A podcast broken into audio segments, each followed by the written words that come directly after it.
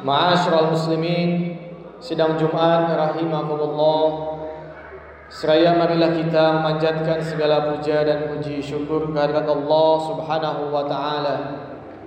Salawat dan salam semoga Allah tetap limpah curahkan kepada nabi kita Nabi Muhammad sallallahu alaihi wasallam kepada keluarganya, sahabatnya, tabi'in, tabi'in, tabi'in dan mudah-mudahan kepada kita selaku umatnya yang senantiasa istiqamah menjalankan ajarannya.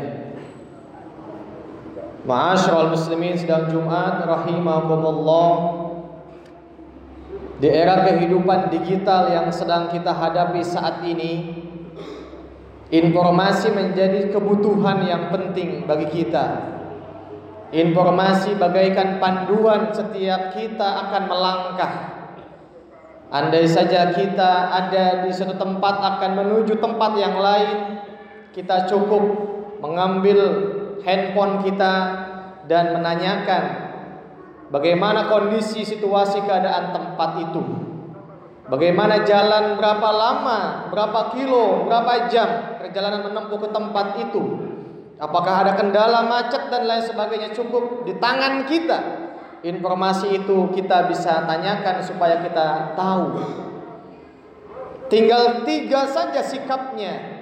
Setiap kali kita membaca, mendapatkan satu informasi dari dunia teknologi, hanya tiga sikap kita. Ada yang percaya, ada yang ragu, kemudian ada yang menolak. Jika kita diinformasikan lewat media sosial, kemudian kita percaya, maka informasi itu jadi petunjuk bagi kita. Namun jika ragu apalagi menolak tidak akan menjadi apa-apa. Dengan demikian kalau seandainya saat ini kita hidup di dunia Allah turunkan informasi lewat lisan Nabi Muhammad sallallahu alaihi wasallam berupa Al-Qur'an al-hadis tentang bagaimana kehidupan yang mesti dijalani sehingga nanti kita mendapatkan panduan apakah kita akan selamat atau celaka. Tentu itu adalah informasi yang sangat penting. Namun masalahnya adalah di mana posisi kita menempatkan sikap ketika Allah sampaikan informasi itu. Maka tipologi yang percaya membaca, meyakini informasi dalam agama disebut dengan kelompok yang beriman. Alladzina yu'minuna bil ghaibi wa yuqimuna shalah wa mimma razaqnahum yunfiqun. Dialah kelompok yang beriman, kelompok yang senantiasa husnudzon, percaya sami'na wa ata'na. Apa-apa yang Allah sampaikan dia ikuti, dia yakini, bahkan dia amalkan. Itulah pengikut beragama yang baik yang taat tidak banyak menanyakan sesuatu apalagi sampai menggugat apalagi sampai suudzon kepada Allah mengatakan jangan-jangan hukum Allah mengancam. Jangan-jangan berita Allah itu hoax jangan-jangan berita Allah itu bohong. Maka itu akan menjadi petunjuk Quran dan hadis bagi kita ketika kita mempercayainya tetapi kelompok yang kedua adalah kelompok yang menolak, kelompok yang lawan dari yang percaya. Maka kelompok itu sikap yang dilakukannya itu adalah kelompok yang dalam bahasa agama dikatakan innalladzina kafaru sawaun alaihim a'anzartahum am lam tunzirhum la yu'minun. Orang yang menolak, orang yang kafir itu sama saja dikasih tahu, dijelaskan, tidak dijelaskan. A'anzartahum am lam tunzirhum la yu'minun. Mereka tidak percaya. Sama dengan halnya ketika kita mau menuju suatu tempat, kita pasang Google Map misalnya, tapi ketika dipandu belok kanan, belok kiri kita nggak percaya, maka itu tidak menjadi apa-apa, hanya sebatas omong kosong saja. Sedangkan tipologi yang ketiga adalah kelompok yang ragu apakah antara percaya dan menolak.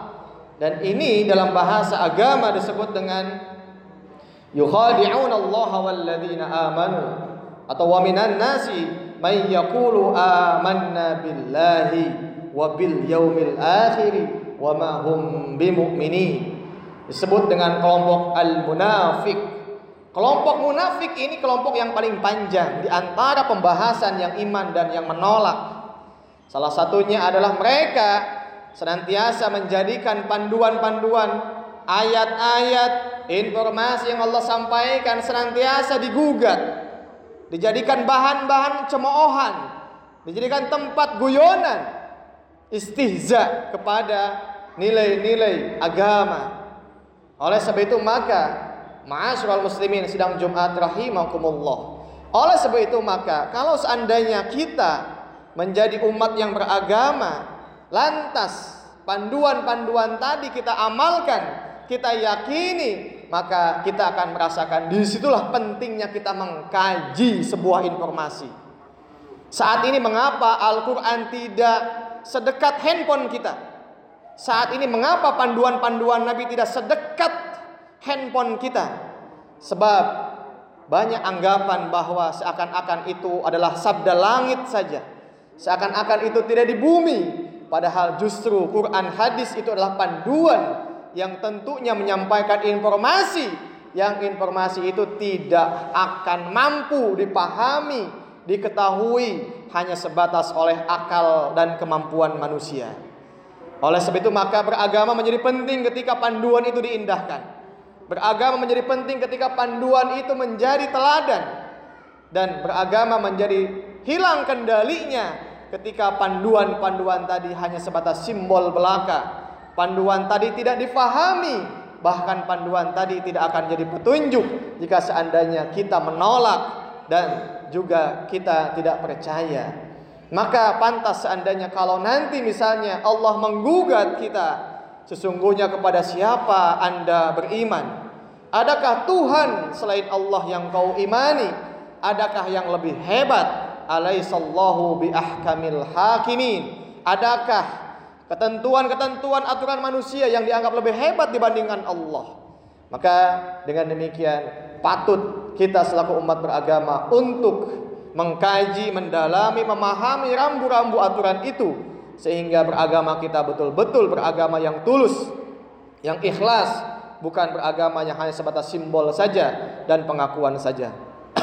Barakallahu li wa lakum fil Qur'anil azim wa nafa'ani wa iyyakum bima fihi minal ayati wa dzikril hakim wa taqabbala minni wa minkum tilawatahu innahu was-sami'ul alim.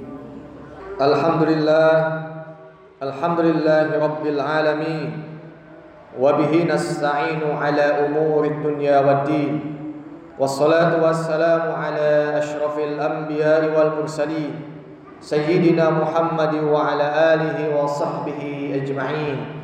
أشهد أن لا إله إلا الله وحده لا شريك له وأشهد أن محمدا عبده ورسوله لا نبي ولا رسول بعده.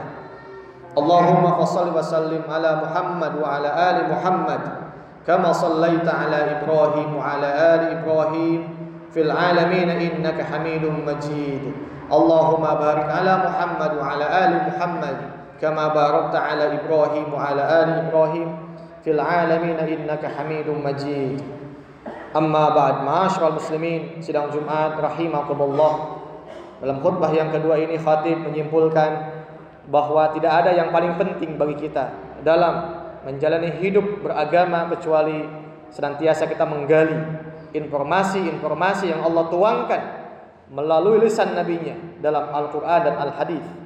Dan itulah yang senantiasa memandu kita. Dan mudah-mudahan itu menjadi penting dalam menjalani kehidupan beragama kita.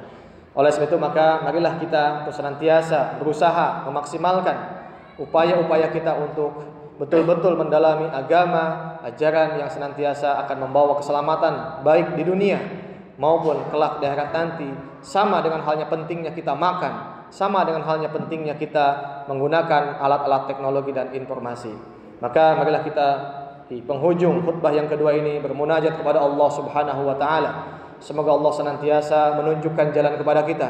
Semoga Allah memudahkan urusan kita. Semoga Allah senantiasa membimbing setiap niat, langkah dan ucapan kita. Inna Allah wa malaikatahu yusalluna ala nabi. Ya ayyuhalladzina amanu sallu 'alaihi wa sallimu taslima. Bismillahirrahmanirrahim. Alhamdulillahirabbil alamin. Hamdan syakirin, hamdan na'imin. Hamdan yuafi ni'amahu wa yukafi'u mazidah. Ya Rabbana lakal hamdu kama yanbaghi li jalali wajhikal karim wa li 'azimi sultanik. اللهم اغفر للمسلمين والمسلمات والمؤمنين والمؤمنات الأحياء منهم والأموات إنك سميع قريب مجيب الدعوات يا قاضي الحاجات اللهم أصلح لنا ديننا الذي هو إصمة أمرنا وأصلح لنا دنيانا التي فيها معاشنا وأصلح لنا آخرتنا التي إليها معادنا واجعل الحياة زيادة لنا في كل خير والموت راحة لنا عن كل شر. اللهم آت أنفسنا تقواها وزكيها وأنت خير من زكاها. ربنا هب لنا من أزواجنا وذرياتنا قرة أعين واجعلنا للمتقين إماما. واجعلنا للمتقين إماما. ربنا آتنا في الدنيا حسنة وفي الآخرة حسنة وقنا عذاب النار. سبحان ربك رب العزة عما يصفون وسلام على المرسلين والحمد لله رب العالمين.